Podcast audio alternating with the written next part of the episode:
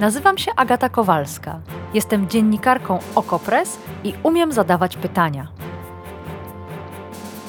Wciąż jeszcze wierzę, że świat można ponaprawiać, więc swoich gości, polityków i ekspertki pytam o rozwiązania.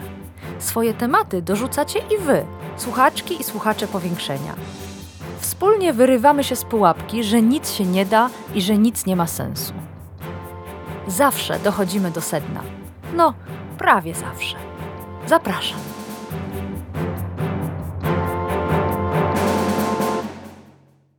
Sala była ogromna. Siwy starszy pan siedział w pierwszym rzędzie, nawet nie tylko w pierwszym rzędzie, obok najważniejszej osoby w państwie. Trwał właśnie zjazd partii. I to nie byle jakiej partii. Wszystkie kamery nakierowano na ten pierwszy rząd. I wszystkie złapały ten sam obraz. Gdy starszy pan, choć próbował się sprzeciwiać, był wyprowadzany z tego posiedzenia. Co się wydarzyło w sobotę na 20. zjeździe Komunistycznej Partii Chin? Dlaczego wyprowadzono byłego przywódcę Chin, Hu Jintao? I dlaczego świat, w tym my, mogliśmy tę scenę obejrzeć? Czy było to przedstawienie wyreżyserowane przez obecnego przewodniczącego państwa, Xi Jinpinga? I po co, skoro on sam od 10 lat dzierży władzę? Wielu twierdzi, że dopiero teraz Xi Jinping objął władzę w sposób absolutny. Ale jeśli tak, to co to oznacza dla obywateli Chin? Co dla udręczanych przez to państwo mniejszości? Co dla świata zachodniego? I co dla wojny w Ukrainie? Czy Chiny stały się jeszcze groźniejsze? Sprawdzimy to dzisiaj w powiększeniu. Zapraszam.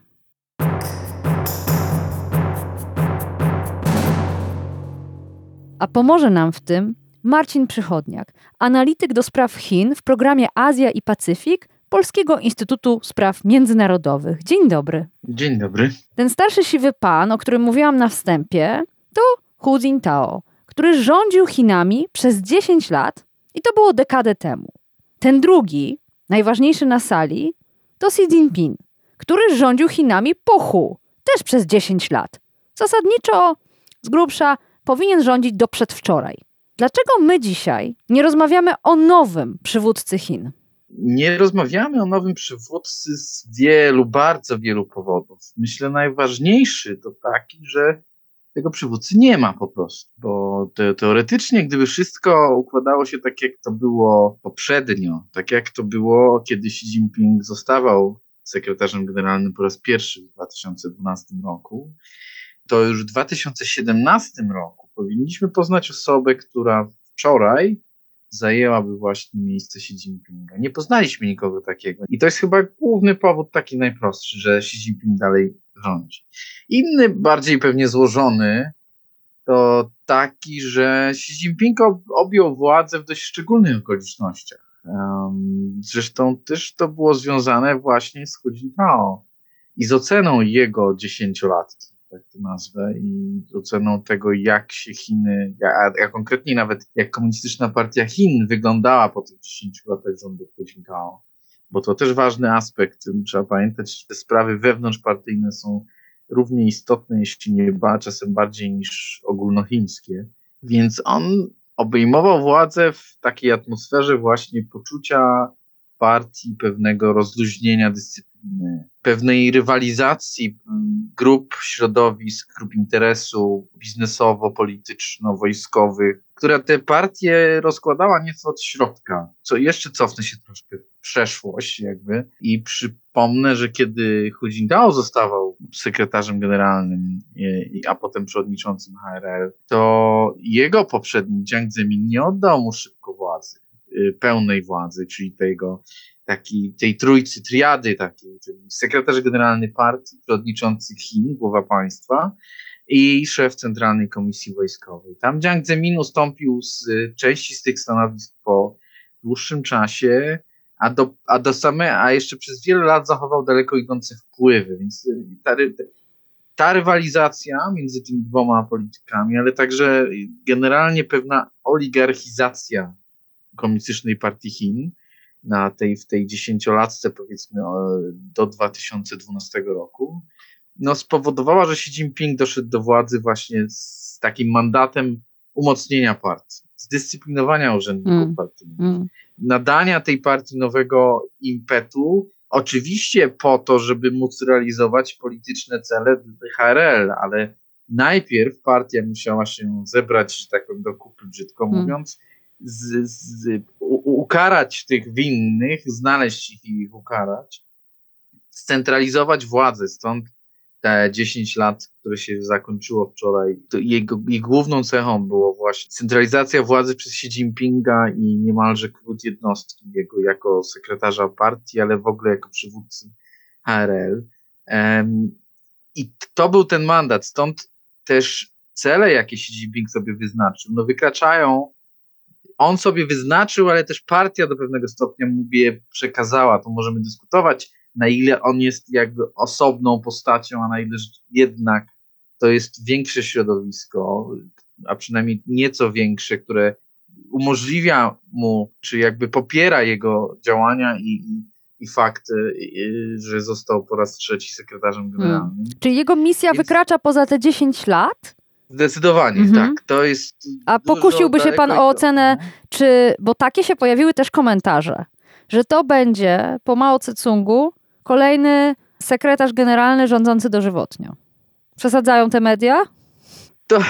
To jest oczywiście, wchodzimy w, tak jak z tej historii z trochę, może wrócimy za chwilę też do, do tego momentu wyprowadzenia, ale wchodzimy trochę w sferę spekulacji, tak, bo tak jak e, jeden chyba ze słuchaczy, czy, czy, czy z widzów na Twitterze zauważył, ciężko jest nam wprost powiedzieć dokładnie, co tam się dzieje. Tak, to może ja zacytuję. Pan Grzegorz, Tak. stały słuchacz powiększenia, napisał: Skąd my w ogóle możemy wiedzieć, co się dzieje w ścisłym kierownictwie HRL i czy to nie jest wróżenie z fusów na poziomie zachodnich sowiet sowietologów?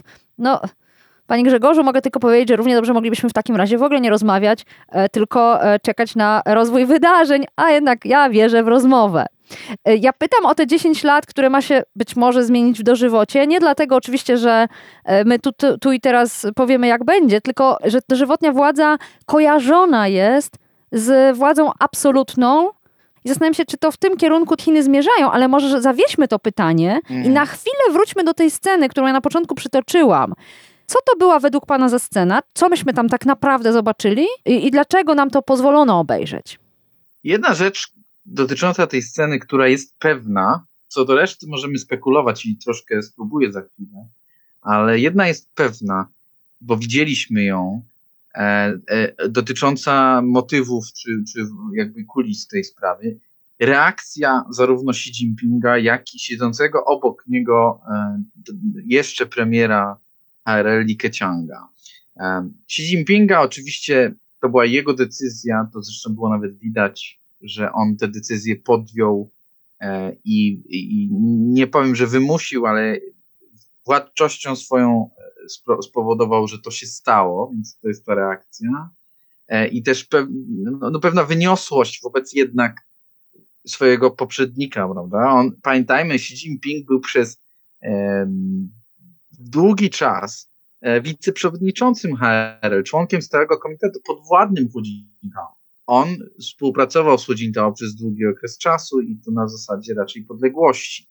Li Keqiang natomiast, premier, który siedział na lewo od Xi Jinpinga, nie zareagował w ogóle na to, co się stało. Siedział, Tak. po prostu udawał, Coś udawał niebywałego. Nie dzieje. To było, tak. ci z Państwa, którzy nie widzieli tych klipów, zresztą nie tylko on, cały pierwszy rząd, patrzył prosto, nie mrugając oczami, nie zmieniając wyrazu twarzy i na pewno nie oglądając się za siebie. prawie cały Mhm, pierwszy rząd, mhm. bo, bo to może też powiemy za chwilę. Dopowiem jeszcze tylko, że Li Keqiang jest, jest, był- był, bo został odsunięty teraz od władzy, ale był protegowanym Hu Jintao. E, I był jakby w tej grupie pewnej środowisku politycznym, które Hu Jintao jako ten były sekretarz, wpływowa postać jednak, promował. Więc te dwie reakcje to jest coś, co rzeczywiście pokazuje, że to nie do końca chodziło o jakąś zdrowotną potrzebę. Ale po co to upokorzenie w takim razie?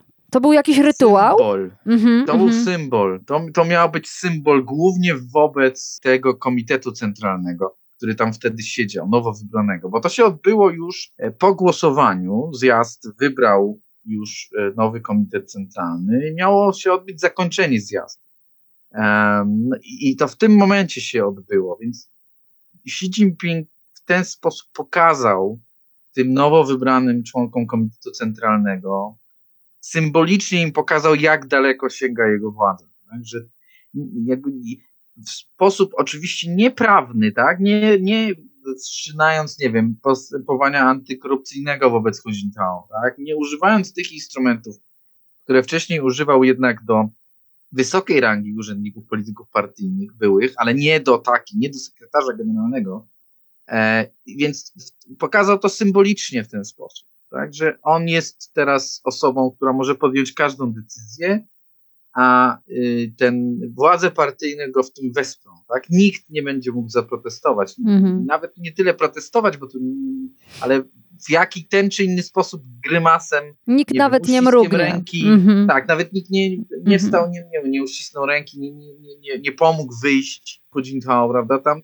ci ludzie, którzy go odprowadzili, to byli niższej rangi urzędnicy z biura jednego z nowych członków stałego komitetu. A to proszę jeszcze jedną rzecz wyjaśnić. Czy mhm. to wyprowadzenie Hu Jintao, przypomnę jeszcze raz, przewodniczącego Chin 10 lat temu, ponad 10 lat temu, to był wyłącznie symbol, czy też Xi Jinping chce teraz w jakiś jeszcze inny sposób wymazać tę postać, ukarać tę postać. Pojawiły się też komentarze, że za chwilę Hu Jintao trafi do więzienia, że może spodziewać się nawet y, jakiegoś rodzaju zagrożenia wobec swojego życia. Nie, wobec Hu Jintao myślę, że ta jedna scena wystarczyła. Tak? To zresztą tu wchodzimy w też pewne spekulacje, bo mówi się o tym, analizując niemalże klatka po klatce tę scenę, że tam Hu Jintao chciał przed nim leżała kartka w teczce, w której mieli być y, właśnie lista nowo wybranych członków Komitetu Centralnego.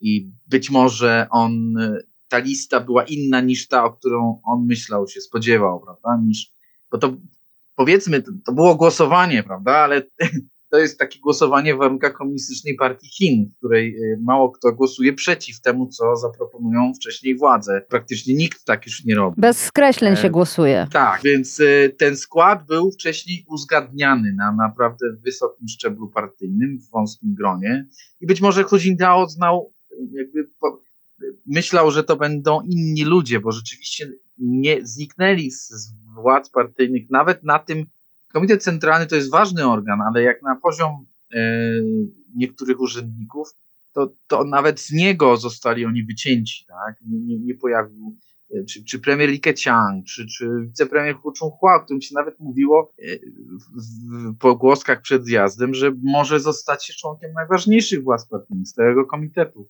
Ich w ogóle tam nie ma być może to był jakiś powód, że, że jakby nie chciano, chciano uniknąć jakiejś e, zdecydowanej reakcji mm. jeśli mm w momencie, mm -hmm. kiedy zobaczyłby tę listę. Mm -hmm. No, była reakcja obok siedzącego Zhao, Li Jianshu, o którym mówiłem wcześniej, który wstał, próbował wstać, ale został dość szybko usadzony przez jeszcze obok niego siedzącego Wang Huninga, ideologa partii e, i nie tylko Xi Jinpinga, ale też poprzedników, e, głównego autora wielu haseł, inicjatyw propagandowych czy ideologicznych partyjnych. Więc te, te, ta cała właśnie y, pewna teatralna sytuacja y, gestów i pus i, i jakby wyjścia samego Hu Jintao, słowa, które miał powiedzieć do Xi Jinpinga wychodząc, bo oni wymienili ze sobą jakieś słowa, zdania, których nie znamy.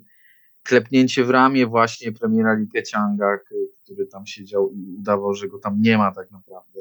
Obok niego siedział zresztą Wang Yang, e, inna ważna postać, też e, którym się mówiło, że zostanie być może następcą Li Keqianga, ale też zniknął tak naprawdę, nie został wybrany do ważnych hmm. partyjnych, który też udawał, że go tam nie ma. Hmm. Więc ten pokaz symbolicznie miał jakby po raz kolejny uzmysłowić partii, że nie ma, nie, nikt nie może być pewny, hmm. że będzie bezpieczny, ale nie sądzę, żeby chodziło o coś groziło. Hmm. Zresztą oficjalne tłumaczenie chi, chi, chińskiej agencji Xinhua mówi o tym, że on się po prostu źle poczuł i wyszedł do osobnego pomieszczenia odpocząć.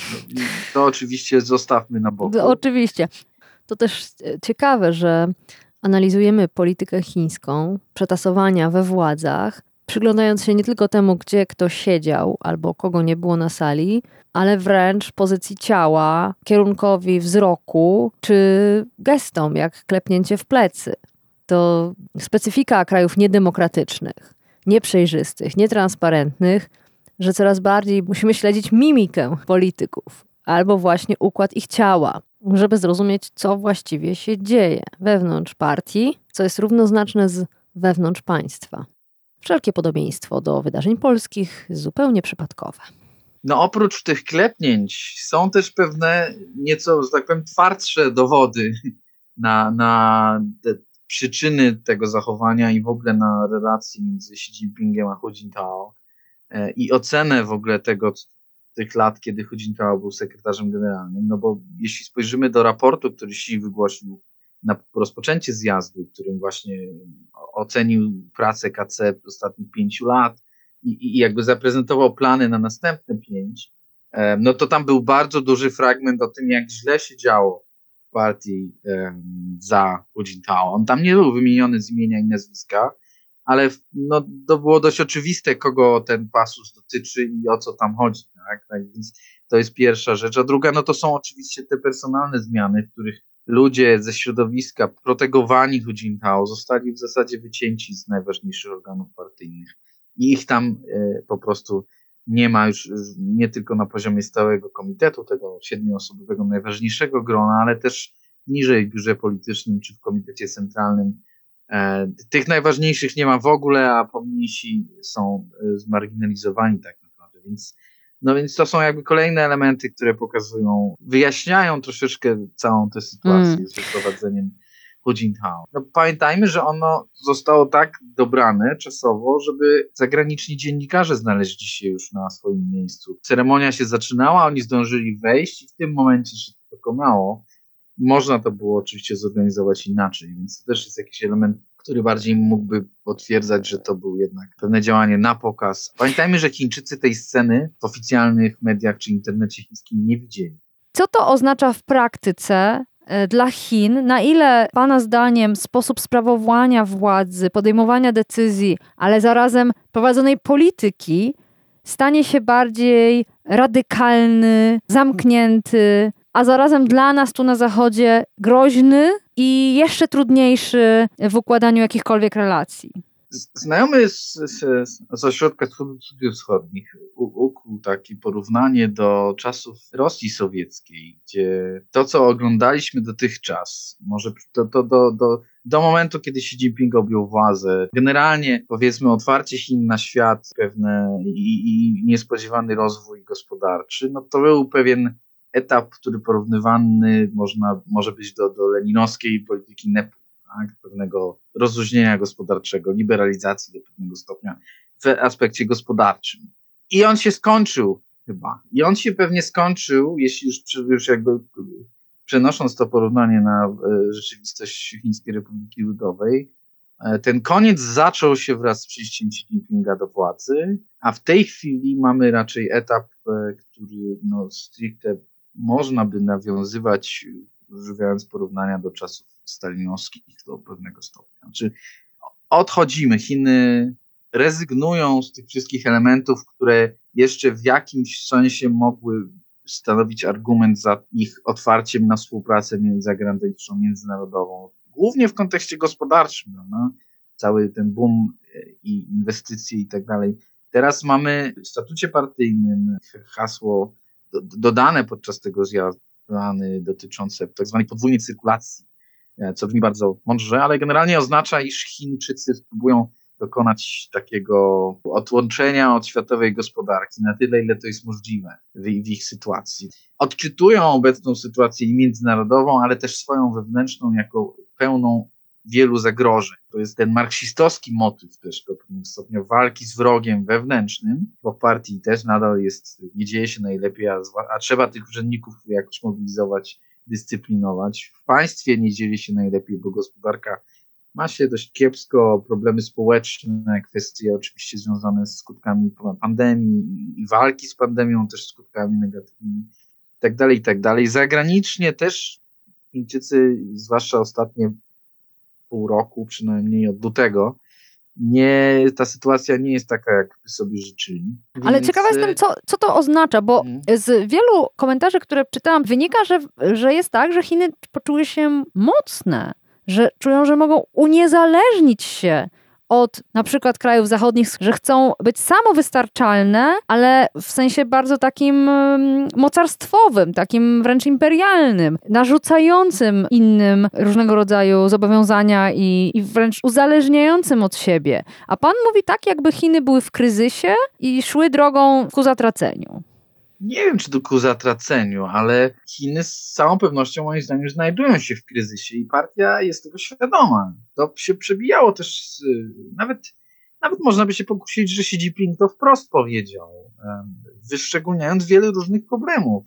E, I mówiąc o tym, że teraz nadchodzą bardzo trudne czasy prawda? dla partii dla Chin, pięć lat będzie dużo trudniejsze, on tak powiedział, niż poprzednie pięć lat. Więc myślę, że ta świadomość tych problemów, o których trochę już wspomniałem, jest wysoka. Ale rzeczywiście no, odpowiedzią na to y, jest y, to, co pani powiedziała. Znaczy, I trochę ja e, też, że realną odpowiedzią jest to zamknięcie, tak? Jest, a może zamknięcie to nie jest do końca trafne słowo, ale pewne ograniczenie zależności w sensie gospodarczym, technologicznym, prawda, które pozwolić machinom na, na obronę, ochronę swoich potencjałów przed amerykańskimi sankcjami na przykład. To ta lekcja jest dla Chińczyków ważna. Mm -hmm. No bo to problem, problem władzy y, partyjnej, problem komunistycznej partii Chin jest taki, w który ona zresztą sama się troszeczkę wpakowała, nawet nie troszeczkę, że jest taki, że problemy gospodarcze, zła sytuacja gospodarcza wymagałaby od nich decyzji, chociażby na przykład wzmocnienia klasy średniej, prawda? redystrybucji dochodu, tak żeby ci Chińczycy, powiedzmy kilkaset milionów, nie wiem dokładnie ile, ta klasa średnia liczy, bo to są różne szacunki, mogli więcej wydawać, tak? W związku z tym dać tej gospodarce nowy impuls. No ale to z punktu widzenia partii jest bardzo niebezpieczne, zwłaszcza w tak trudnej sytuacji, jak ona ocenia, że jest teraz, no bo aspiracje materialne klasy średniej zaspokojone mogą jakby spowodować, że pojawią się następne aspiracje. A to już dla, dla komunistycznej partii Chin jest bardzo duże ryzyko. Mhm. Więc szukają pewnego zastępczego, pewnej, pewnego jakby próby wyjścia z tej pułapki w taki właśnie sposób. A z drugiej strony oczywiście podbijając ten nacjonalistyczny bębenek, wzmacniając tę retorykę o jakby prymacie chińskich rozwiązań, o ich rosnącej pozycji międzynarodowej. Głównym celem, który wskazał Xi Jinping, jest e, do 2049 roku osiągnięcie przez Chin statusu państwa rozwiniętego i odnowienie Chin przez ich modernizację. Mm. Ale y, mamy dosyć podobny plan słyszeliśmy w tym roku z ust Władimira Putina, który nagle postanowił w obliczu sankcji i oczywiście w związku z wojną w Ukrainie, że Rosja będzie samowystarczalna i jednocześnie oczywiście potężna. I to się kompletnie nie udaje. Czy Chiny są w lepszej sytuacji, czy one będą w stanie uniezależnić się na przykład od dostaw technologicznych ze Stanów Zjednoczonych? Chiny są w lepszej sytuacji gospodarczej, bo oczywiście tu potencjał gospodarczy jest nieporównywalny z Rosją, ale to nie znaczy, że te plany im się powiodą z innych powodów, że tak to ujmę. Hamulcowym jest system polityczny chiński jako taki i, i jego ograniczenia, biurokracja partyjna, postęp technologiczny wymaga pewnej swobody myśli, kreatywności, działania w sposób nieszablonowy, ograniczenia nadzoru centrali, prawda, a dania możliwości wyboru czy działania e, oddolnego. To jest niemożliwe mm -hmm. w tej mhm. sytuacji mm -hmm. obecnej chińskiej. To, mm -hmm. jest mhm. to było niemożliwe jeszcze przed Xi Jinpingiem, ale w tej chwili to jest w mhm. ogóle niemożliwe z różnych powodów. Więc tu są te ograniczenia i rzeczywiście no, i oni, oni próbują jakby znaleźć rozwiązanie. Nie, nie wiem, czy to im się uda. I tu niestety jest troszeczkę ryzyko, tak? bo jeśli zakładamy, że to im się nie uda, a, a chyba nie, nie wiem, znaczy nie wiem, czy powinni, powinno im się udać z naszego punktu widzenia, ale no to w te, tym momencie y, liczba możliwych scenariuszy się dość kurczy dla władzy chińskiej, dla partii chińskiej, która jak wiemy nie jest zainteresowana działaniem, które mogłoby w jakiś sposób prowadzić do tego, żeby tę władzę oddała. No tak. Musi znaleźć jakieś inne rozwiązanie, które tę legitymację społeczną zwiększy, które te I to udowodni, są... że te hasła były mm. prawdziwe. I to są już wtedy rozwiązania mroczne, więc może na razie nie straszmy, a zastanówmy się jeszcze nad jedną sprawą. Czy Władimir Putin świętuje? Innymi słowy, co oznacza dla Moskwy, dla Rosji to umocnienie Xi Jinpinga? Ten sygnał, który płynie z Pekinu. Czy Władimir Putin może liczyć teraz na falę wsparcia chińskiego w wojnie z Ukrainą, wojnie, którą nazywa wojną z Zachodem? A może odwrotnie, Pekin w ogóle już zacznie ignorować potrzeby Federacji Rosyjskiej? Myślę, że tutaj Władimir Putin może być spokojny. I to, to nie tylko jest moje przekonanie, ale to widać po, po tym, co powiedział też Xi Jinping na, na zjeździe. On tam oczywiście nie używał, nie odnosił się wprost, czy to do inwazji rosyjskiej na Ukrainę, czy do Rosji jako takiej relacji z Rosją, ale tam te elementy dotyczące y, wrogów zewnętrznych, którzy czyhają na interesy chińskie, były mocno wybite.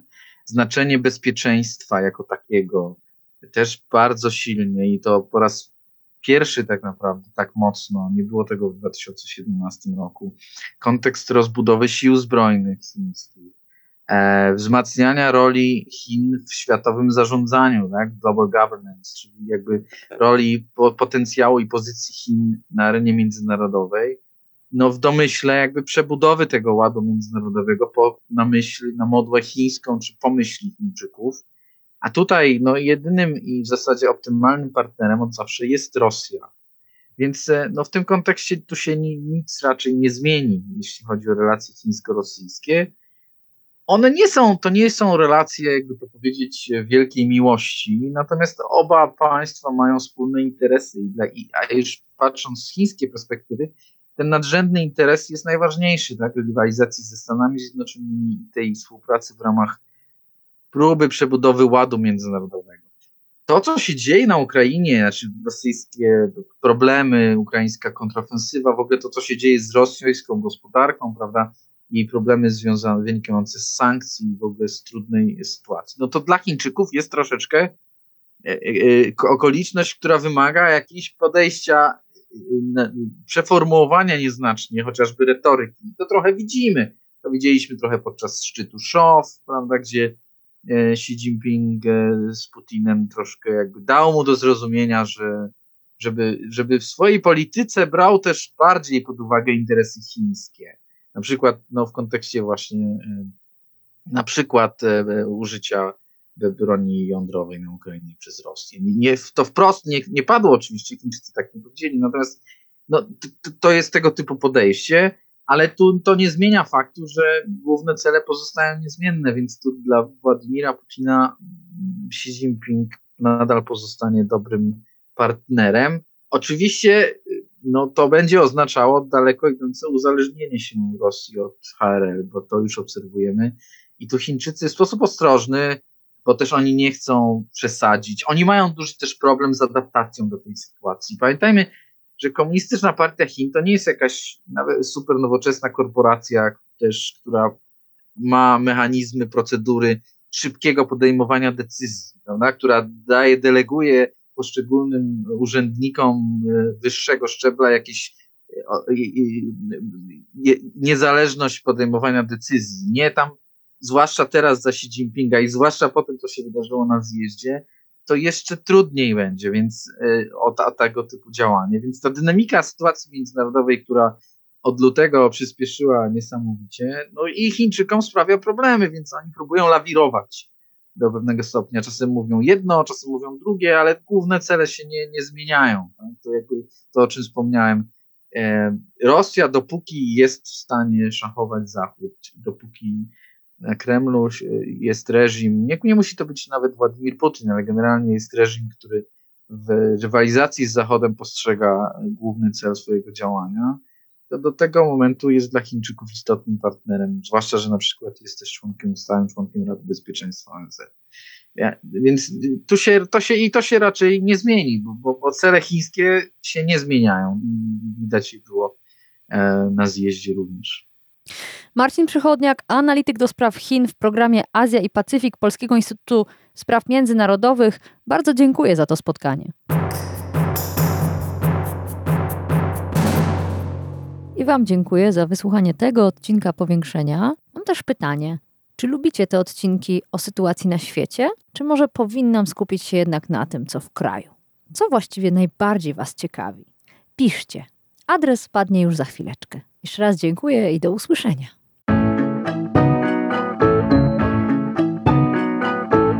To było Powiększenie, podcast Agaty Kowalskiej. Produkcja Bartosz Weber. Powiększenie znajdziesz na stronie Okopres i w Twojej ulubionej aplikacji do podcastów. Masz pomysł na temat albo komentarz? Napisz do mnie agata.kowalska małpaoko.press. Stałych darczyńców zapraszamy na grupę Okopres na Facebooku Twoja okolica. Tam też toczymy dyskusje o świecie i o podcaście. Dziękujemy za Wasze wsparcie.